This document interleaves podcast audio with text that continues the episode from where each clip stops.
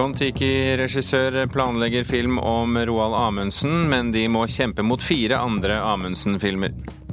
Politikernes klær, formuleringer og kroppsspråk i TV-sendte debatter er noe av det som blir mest kommentert på Twitter under sendingene.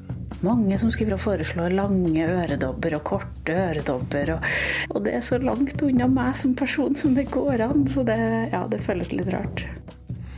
Og en 20 år gammel roman av den svenske statsministeren blir nå teater, selv om dramatikeren mener boken er elendig.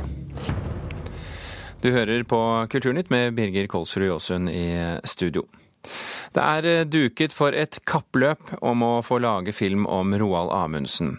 Regissørene bak filmen Kon-Tiki har søkt Norsk Filminstitutt om å få lage film om polarhelten. Det har også produsentene bak filmen Hodejegerne. Og dette er bare to av fem planlagte filmprosjekter om Roald Amundsen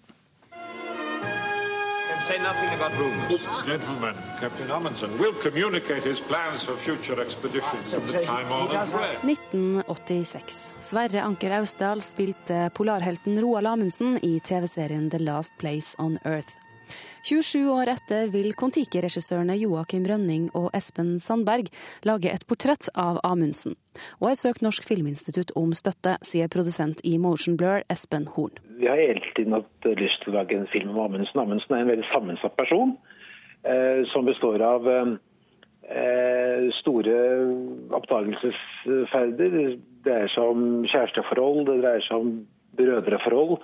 Eh, han var en nasjonalskatt. Ehm, han ble en syndebukk. Det dreier seg om brutte kjærlighetsløfter, og det dreier seg om død i ehm, Nordishavet. Så det er, en, det er en veldig sammensatt og komplett Eh, historie om en eh, av våre største, om ikke den største polfareren vi hadde. Men Hollywood-regissørene får konkurranse fra fire andre filmselskaper. En av dem er produsent bak eh, filmsuksessen Hodejegerne, Friland Film, som har søkt om støtte til en film om Amundsens kappløp mot Sydpolen. I tillegg får vi kanskje se en animasjonsfilm for barn om polarhelten. Og Skofteland Film er allerede i gang med å lage en dokumentar om Maud-ekspedisjonen, sier produsent Ingunn Helene Knudsen. Ja, for det første er det jo nå et stort prosjekt i gang for å bringe Maud, altså skuta, tilbake til Norge. Og den nesten 100 år gamle skuta ligger langt nord i Canada. Så det prosjektet er i seg selv spennende. Og så bærer jo også dette, denne skuta på en historie eh, som er et spenn, veldig spennende polareventyr. Eh, dramatisk. Det er en historie om suksess og fall. Og Målekspedisjonen ble stemplet som en fiasko. Men den er kanskje faktisk en av våre viktigste polarekspedisjoner, også internasjonalt. Også Hollywoods A-lag er interessert i Amundsen. I fjor ble det kjent at Hollywood-stjernen Ben Affleck vil lage film om kappløpet mot Sydpolen. Redaktør i filmmagasinet Cinema, Geir Kamsvåg, mener det ikke er tilfeldig at så mange prøver seg på Amundsen nå. Vel, Det er alltid behov for helter, og jeg tror at, eh, at nå skal man se på norske helter, så er det få som er internasjonalt kjente, og da er jo Amundsen en av de store som det går an å gjøre noe på. Man har hatt kjempeinternasjonal suksess med Thor Heyerdahl. Og det her, da er det klart at Amundsen ligger, ligger der helt klar. Cattle die, kin die, thou thyself shalt die as well. Kon-Tiki-regissørenes produsent håper deres film vinner kappløpet om filmkronene. Når jeg nå hører at det er flere Amundsen-prosjekter, så er jo det flere om beinet, så det er konkurranse. Så, så dette her, vi får bare konsentrere oss om vårt eget prosjekt og håpe at det har livets rett. Reporter her, det var Eirin Venås, Eirin Venås Sivertsen. Alexander Wisting, Amundsen, biograf og TV-produsent, velkommen til Kulturnytt. Takk. Hva er det som uh, gjør Amundsen interessant, så interessant at det nå skal lages fem filmer? Ja, Det er jo mye, men, eh, og det blir vel neppe laget fem filmer. Men eh, i utgangspunktet så ble vel sagt eh, noe av det. Amundsen var jo en karakter som ble en internasjonal størrelse. Han er en vesentlig del av norsk identitet, og var vel også offisiell utenrikspolitikk i Norge i 20-30 år. Og det var jo en mann som nådde målene sine, til motsetning til veldig mange andre oppdagere og for så vidt andre polfarere, for det var jo en inflasjon i polarferder i den perioden der. Og Amundsen nådde jo stort sett alle. Og det var et dramatisk liv. Eh, det er på en måte alle ups and downs du kan tenke deg. Og det er med livet som innsats hele veien. Nå hadde jo Amundsen den eh, kan du si både hell og uhell at han var etter Nansen. Nansen var jo hans mentor, men etter Nansen så var det også noe mer pengetørke. Dvs. Si at Amundsens liv ble nok også ultimat dramatisk privat, mye pga. den økonomiske situasjonen. Og det er som man sier, kjærlighetsforhold. Det er hele pakka med Amundsen. Han er utrolig spennende og mye mer nyansert enn det man eh, ofte har lest om tidligere. Han virker som en eh, sammensatt person, for å si det pent? Ja, Amundsen var jo veldig sammensatt. og Eh, det er klart at et liv som foregår på ytterpunktene som det gjør, det klart det blir kanskje sammensatt av det. Det, det var et dramatisk liv. Det var et mye et liv utenfor sivilisasjonen, med få menn rundt seg, Mennene han skulle knytte tett til seg. Og så var det som med mange av de andre, det var ikke like lett å leve i eh, de andre omgivelsene i mellomtiden. Og sånn var det vel også kanskje litt for Roald Amundsen. Nå er det altså fem i hvert fall grupperinger da, som ønsker å lage film. og så, Som du sier, vi vet ikke om alle blir noe av. Men hvorfor kommer disse fem filmideene akkurat nå på samme tid? Ja, nei, altså Nå velger jo jeg å tro at noen av disse ble inspirert under jubileet i 2011, eh, hvor både min bok og Framuseets Nitid-arbeid og alle andre på en måte eh, fikk synliggjort mange av historiene rundt Amundsen. Og det kom opp ganske mye nytt. Det kom opp dagbøkene fra Sydpolsekspedisjonen bl.a. Eh, og det er klart, det jubileet satte nok Amundsen på nytt igjen på kartet i Norge. For det er klart at fra før av så hadde man ofte litt sånne stereotype framstillinger av Amundsen. Eh, mye slem, mye rar, og uten at det egentlig var noen spennende sammenheng i fyren, syns jeg. Og jeg, jeg, tror nok at eh, det jubileet bidro til å få en mer bredere interesse. Man så kanskje mer nyansene, så mer de spennende sidene ved fyren. Og det håper jeg har vært med å inspirere til disse filmene, som jeg virkelig håper blir noe av. Din oldefar, Oskar Wisting, var jo med på ferden mot Sydpolen. Hvilke hensyn bør tas når filmbransjen nå lager filmer om Amundsen og polarferden i forhold til familien og gjenlevende og sånne ting? Ja, altså jeg tenker at Det er ikke så viktig å ta hensyn til familie og de gjenlevende. Altså Det er jo ikke noen gjenlevende fra det, men familiene er, jo ikke så viktig sånn sett. Det som er viktig, er vel at det er riktig, så riktig som mulig. Du er jo ikke dokumentarist når du lager en spillefilm, men det er noe med å prøve å se de tingene som så spennende som er der i utgangspunktet, kanskje uten å overdrive dem, og lage nye, rare karakterer, eller uh, ta det kanskje noen skritt tilbake, for det er jo innimellom man gjør det i underholdningsbransjen. Men man så jo eh, oppstyret rundt den ene eh, personen, personen under Kon-Tiki-filmen som ble fremstilt på en mindre verdig måte enn han eh, egentlig var. Kan noe sånn også oppstå under Amundsen-filmer? Ja, det kan det helt sikkert. Og vi har jo en del sånne spisse høydepunkter i dette her som ofte blir veldig karikerte. Og det er klart at det kan nok trekke ting med seg. Nå tror jeg nok at det er så mye å ta tak i her, så mye både ytre og indre drama, at jeg tror ikke man trenger det. Her er det så mye å fyre løs på at uh, se på det som fins, og se litt bak også det som er skrevet, så er det veldig mye spennende. At dette er interessant for nordmenn, det er jo så sin uh, sak. Men en fyr som Ben Affleck, som er en dreven filmskaper i Hollywood, uh, hvilket potensial tror du han ser i denne historien? Han ser jo en ekstremt spiss historie med kappløpet til Sydpolen. Og det er klart at ut fra internasjonale forhold så er den betydelig. Amerikanerne hadde jo et eh, slags eh, heie-på-forhold til nordmennene forhold til engelskmennene, så USA er nok en eh, historie som fortsatt synes er kjent. Jeg tenker at en sånn historie passer perfekt for det miljøet der, men igjen, gjør det riktig og spennende, så blir det forferdelig bra med de kreftene og de kapasitetene. Alexander Wisting, tusen hjertelig takk for at du kom til Kulturnytt.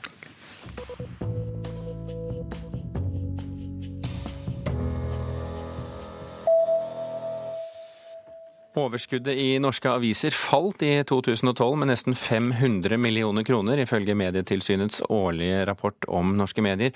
Samlet omsetning endte på nivå med året før. Direktør i Medietilsynet Tor Erik Engebreksen skylder på nedgang i annonseinntekter og løssalg. Underskuddet før pressestøtte endte på om lag 240 millioner kroner. Regjeringen varsler en økning på ytterligere 600 millioner kroner i kulturbudsjettet med Kulturløftet 3. Søndag samles partilederne i den rød-grønne regjeringen for å presentere tredje utgave av Kulturløftet, som første gang ble lansert under valgkampen i 2005. Etter åtte år i regjering er kulturbudsjettet doblet fra 5 til 10 milliarder kroner. Med Kulturløftet 3 lover de rød-grønne bl.a. bedre stipendordninger for frilanskunstnere. Og maleriet The Lady of Charlotte' er britenes favorittkunstverk. Et eh, britisk program for kunst i offentlig rom kalt Art Everywhere har på bakgrunn av avstemninger i sosiale medier kåret Englands mest populære kunstverk. På topp ruver The Lady of Charlotte' av den britiske kunstneren John William Waterhouse. På andreplass finner vi John Everett Melias Ophelia, tett etterfulgt av Francis Bacons Head 4. Nei, Head 6 var det faktisk. De 57 mest populære verkene blir nå vist på store reklameplakater rundt omkring i landet.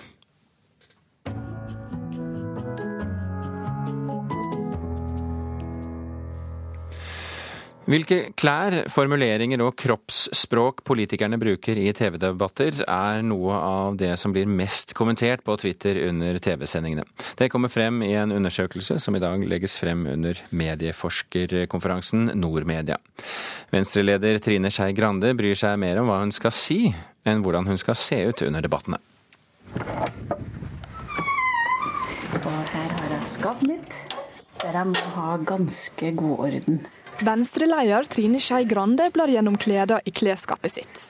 Så her eh, henger mye av de blågrønne skjortene mine, som eh, symboliserer litt det jeg skal kjempe for. Som politiker er Skei Grande ofte å se i politiske debatter. Men hva klede hun har på seg under debattene, bryr hun seg ikke så mye om. Å være helt ærlig så er det ikke viktig for meg i hele tatt. Det jeg bryr meg om, det er det jeg skal si. Men jeg vet at andre bryr seg om det. Derfor så må jeg tenke at jeg skal ha noe som kanskje ikke alle snakker om. For det er flere som bryr seg om hvordan politikerne kler seg under debatter på TV, da spesielt tvitrerne. Det kommer fram i en studie som i dag blir lagt fram på mediekonferansen Nordmedia. Omtrent halvparten av alle tweets er relatert til eh, TV-debattene. Altså, det er debatt om debatten. Sier Bente Kalsnes, som sammen med Anne Krumsvik og Tanja Storsul står bak studien om bruk av Twitter under TV-sendte debatter. I studien har forskerne undersøkt strømmen av Twitter-meldinger under to debatter i 2011. Undersøkinga syner at tvitrerne er spesielt opptatt av utseendet, kroppsspråk og måten politikerne formulerer seg på. Vi ser at en del av de tweetsa eh, som vi har fanga opp, de, de, omhandler hva politikerne har på seg, hva smykker de har, hva dialekter de har, eh, grammatikken deres. Altså hvis de eh, bruker feil grammatikk, så blir det, det kommentert. Det går ikke an å være på Twitter uten å drikke kaffe, for det kan bli langvarig. Litteraturanmelder og forfatter Vidar Kvalshaug sitter på kontoret sitt og er i ferd med å gå inn på Twitter. Et eller annet vindu er åpent, for her var Twitter. Kvalshaug er sjøl en ivrig tvitrer, og spesielt formuleringene til politikerne er noe som opptar han. F.eks. bruken av et språklig ugress som eh, i forhold til det, blir det slått veldig hardt ned på på Twitter. Det er til og med kommet en egen konto som er et slags i forhold til politi, som påpeker hver gang noen bruker i forhold til feil, for det gjør de aller fleste. Kvalshaug tror at politikerne kan lære av Twitter-meldingene. Jeg tror kanskje dette på sikt, når politikerne etter hvert går inn og ser på hva som er sagt om dem og debatten, så tror jeg kanskje de lærer å formulere seg tydelig, spisse budskapet sitt og også bli dyktigere til å delta sjøl på Twitter på 140 tegn. Jeg har, jeg har en del smykker som er Det er veldig lite som er dyrt. Det er egenhendig stjålet av mamma, men hun har tilgitt meg i ettertid. Hun har sagt at det er greit, for jeg måtte ha det på TV.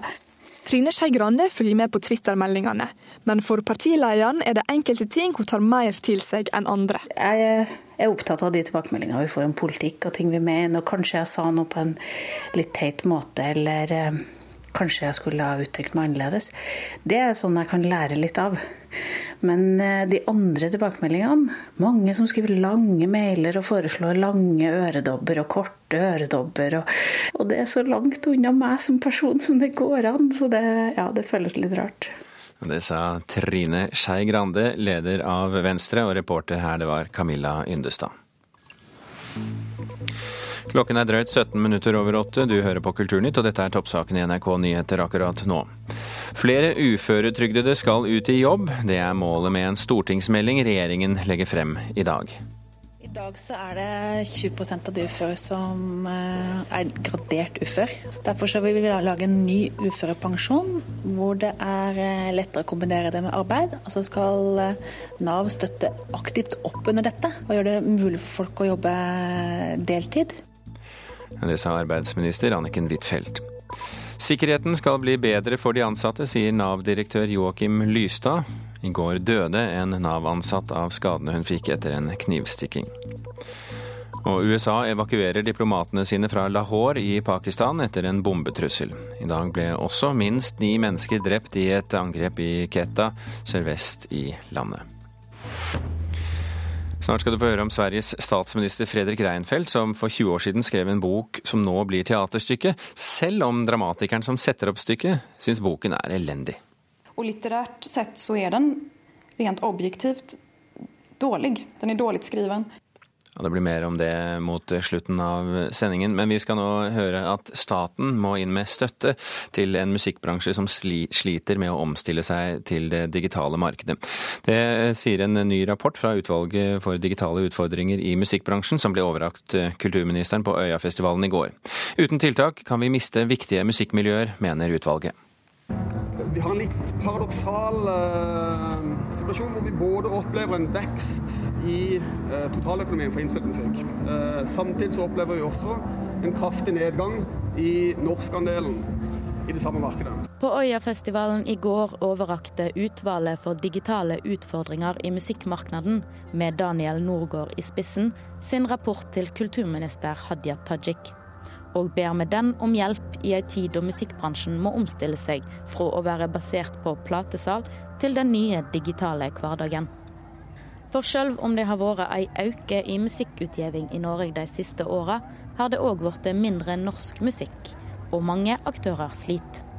Derfor ber de statsråden om penger til omstillingstiltak for musikknæringa de neste fem åra i tillegg til å evaluere nåværende tiltak og bidra til mer forskning på området. Dette her kan fungere litt i framtiden. De store plateselskapene som har store kataloger, har jo begynt å tjene penger igjen. Og eh, kanskje det er noen av indieselskapene som trenger litt hjelp da, til å kunne, forts kunne, fortsette å utvikle sine kataloger. Til de også kan komme i den situasjonen at de har nok utgivelser til at det er liv laga.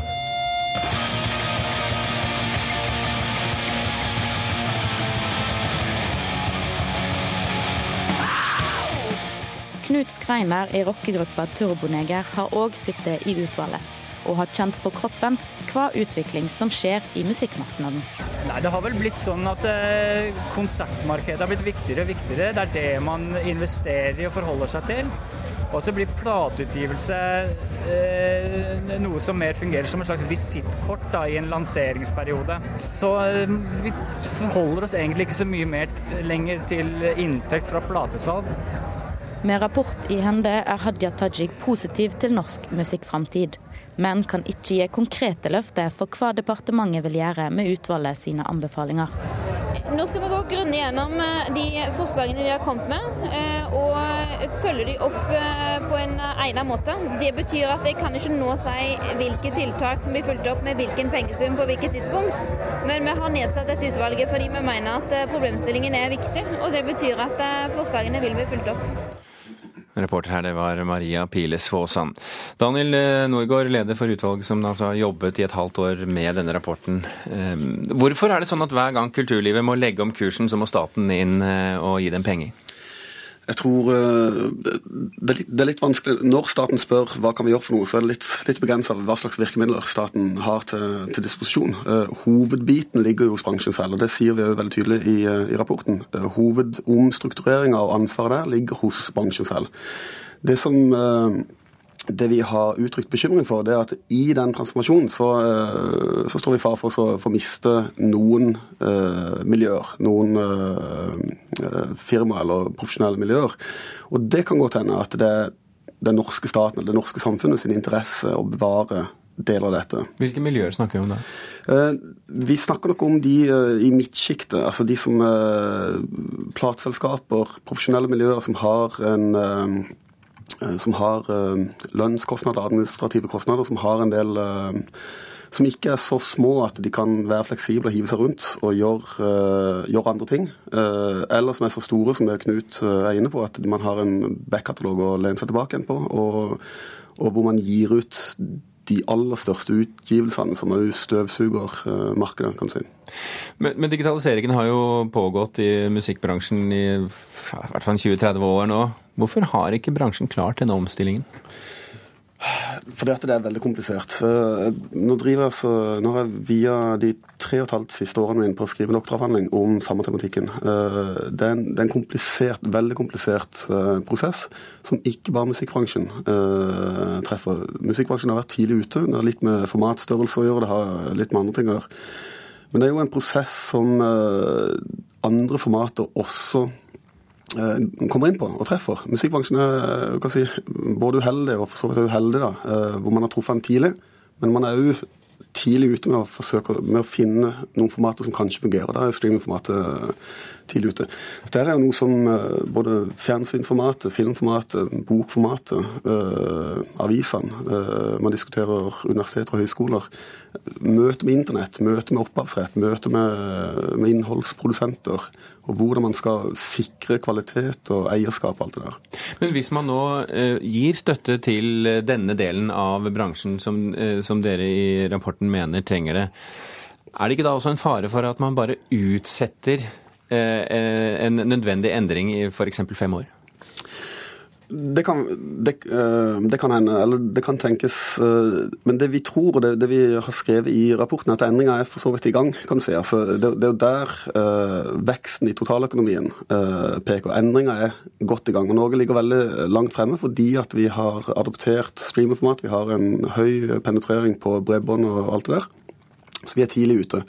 Men Musikkbransjen er først og fremst internasjonal. og De, alle, altså de store, viktige avgjørelsene på den utviklinga foregår ikke her i Oslo. Det foregår i LA, i New York, i, i hovedkontorene til de største selskapene. Og det tar tid.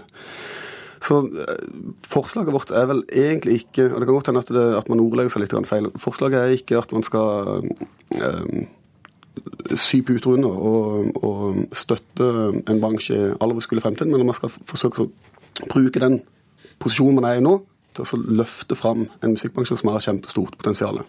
Men endringer kommer uansett om det blir med eller uten statsstøtte? Ja, Endringene har jo kommet, så, så det, der har man jo ikke noe, noe særlig valg.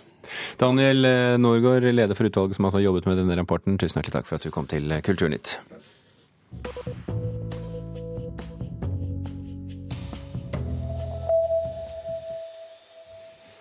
I kveld er det premiere på teaterstykket Det sovende folket på Teater Alma i Stockholm. Stykket er basert på den svenske statsministeren Fredrik Reinfeldt eh, debutbok fra 1993. Boken er en framtidsdystopi om hvordan velferdsstaten tar livet av borgerne.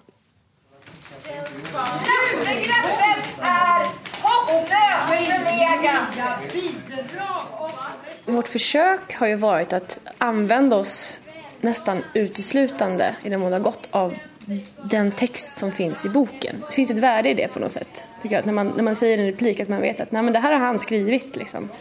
Agnes Hargne Wallander er en av sju skuespillere i stykket som er basert på Det sovende folket, som er debutboka til den svenske statsministeren Fredrik Reinfeldt, utgitt i 1993.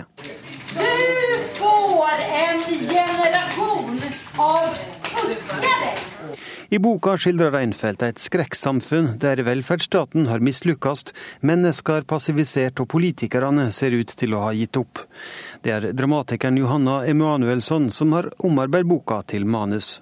Og det jeg har fokusert på er å dramatisere først og fremst hans eh, framtidsdystopi, som handler om hvordan han ser på en sosialdemokratisk framtid der han tror at mennesker kommer dø av välfärdsdöden og at svenske befolkningen kan deles opp i to ulike raser, dårer og sovhjärnor. Emanuelsson tror mange ønsker mer politisk debatt i teatret, og da kan politiske manifest være et godt utgangspunkt, sier hun. Hun sier til Sveriges Radio at det har vært utfordrende å arbeide med teksten til Reinfeldt. Oftast så om jag vill jobba med en, med en text så är det för att jag tycker att den är spännande och den här tyckte jag inte var så speciellt spännande faktiskt. Och litterärt sett så är den rent objektivt dålig. Den är dåligt skriven. Den är liksom på något sätt parodisk i sig. Eh, det är svårt att göra den här framtidsdystopin med sovhjärnor och välfärdsdöden utan att folk eller publiken skulle tro att vi faktiskt är ironiska. Så det var en utmaning och inte får det bara bli väldigt, väldigt löjligt. Skuespiller Agnes Harne Wallander synes det har vært interessant å jobbe med teksten. Om man skal ta fram det som er bra er jo på noe sett så här, at tycker det er ganske heftig med så här. Han har jo ändå liksom drømt fritt her. Han har gjort et forsøk til å skapa en, en veldig stemning med dramatikk og känslor og sådär. Og det er jo veldig anvendbart og kul. Den 20 år gamle boka er ukjent for mange, men målet med dramatiseringa er at flere skal få ta del i de usensurerte tankene til den svenske statsministeren, sier Johanna Emanuelsson. Jeg finner det underlig at vi prater så sjelden om, om Reinfeldts ideer og hvor han kommer ifrån og hvor han står. Så forhåpentligvis er det vel et innlegg i debatten. De så kallade bussene lukter pyton! Fredrik Reinfeldt ønsket ikke å kommentere denne saken for Kulturnytt. Reporter, det var eh, Espen Alnes. ABBA-effekter ABBA vekker stor interesse på nettauksjonen i Sverige. Blant de 25 000 gjenstandene som skal auksjoneres ut i løpet av helgen, finner vi bl.a. to uutgitte singler og effekter som ABBA-såpe og ABBA-dukker. Stockholms auksjonsverk, som står bak auksjonen, regner med at effektene vil omsette for omtrent 800 000 svenske kroner. Kulturnytt eh, runder snart av. Kon-Tiki-regissør eh, planlegger film om Roald Amundsen, kunne du høre i dag, men de må kjempe mot fire andre Amundsen-filmer. Kappløpet mot Sørpolen har et enormt dramatisk potensial, sa Amundsen-biograf Alexander Wisting. Kulturnytt er eh, slutt for denne omgang. Per Ivar Nordahl, Halvor Haugen og Birger Kolsrud Aasund takker for følget.